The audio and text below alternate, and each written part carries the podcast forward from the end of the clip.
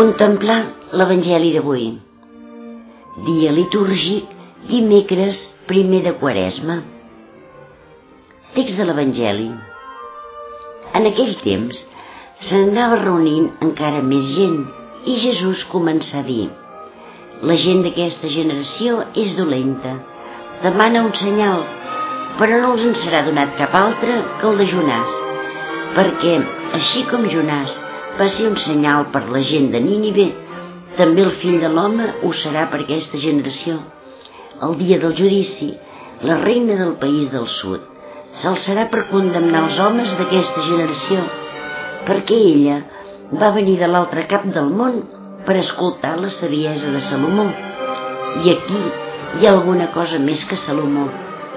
El dia del judici, els habitants de Nínive s'aixecaran per condemnar la gent d'aquesta generació, perquè ells es van convertir quan Jonàs els predicà. I aquí hi ha alguna cosa més que Jonàs.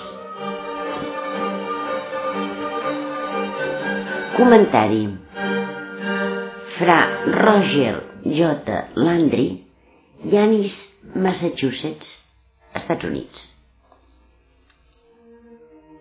Així com Jonàs va ser un senyal per la gent de Nínive, també el fill de l'home ho serà per aquesta generació. Avui, Jesús ens diu que el senyal que donarà a la generació perversa serà ell mateix com el senyal de Jonàs. De la mateixa manera que Jonàs permetí que el llancessin per la borda per calmar la tempesta que amenaçava enfonsar-los i així salvar la vida de la tripulació, Igualment Jesús permeté que el llancessin per la borda per tal de calmar les tempestes del pecat que posen en perill les nostres vides.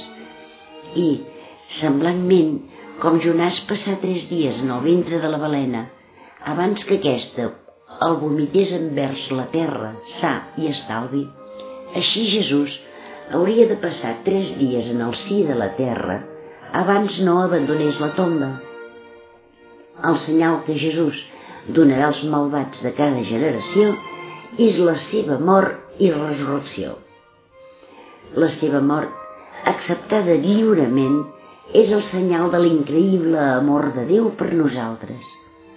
Jesús donà la seva vida per salvar la nostra i la resurrecció d'entre els morts és el senyal del seu poder diví es tracta del senyal més poderós i conmovedor que hom mai hagi donat. A més, però, Jesús és també el senyal de Jonàs en un altre sentit. Jonàs fou una icona i un mitjà de conversió, quan en la seva predicació, d'aquí a 40 dies Nínive serà destruïda, adverteix els ninivites pagans, aquests es converteixen ja que tots ells, des del rei fins als nens i els animals, es cobriren amb sac de cendres.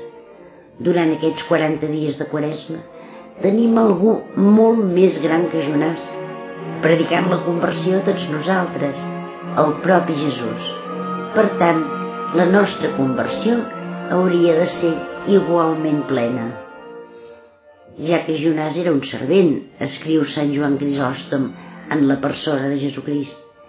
Però jo sóc el mestre, i ell fou llançat per la balena, però jo vaig ressuscitar d'entre els morts, i ell proclamava la destrucció, però jo he vingut a predicar la bona nova i el regne.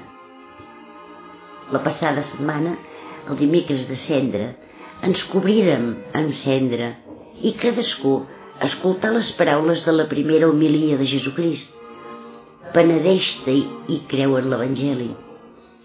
La pregunta que hem de fer-nos és, hem respost ja amb una profunda conversió com la dels ninivites i hem abraçat aquell Evangeli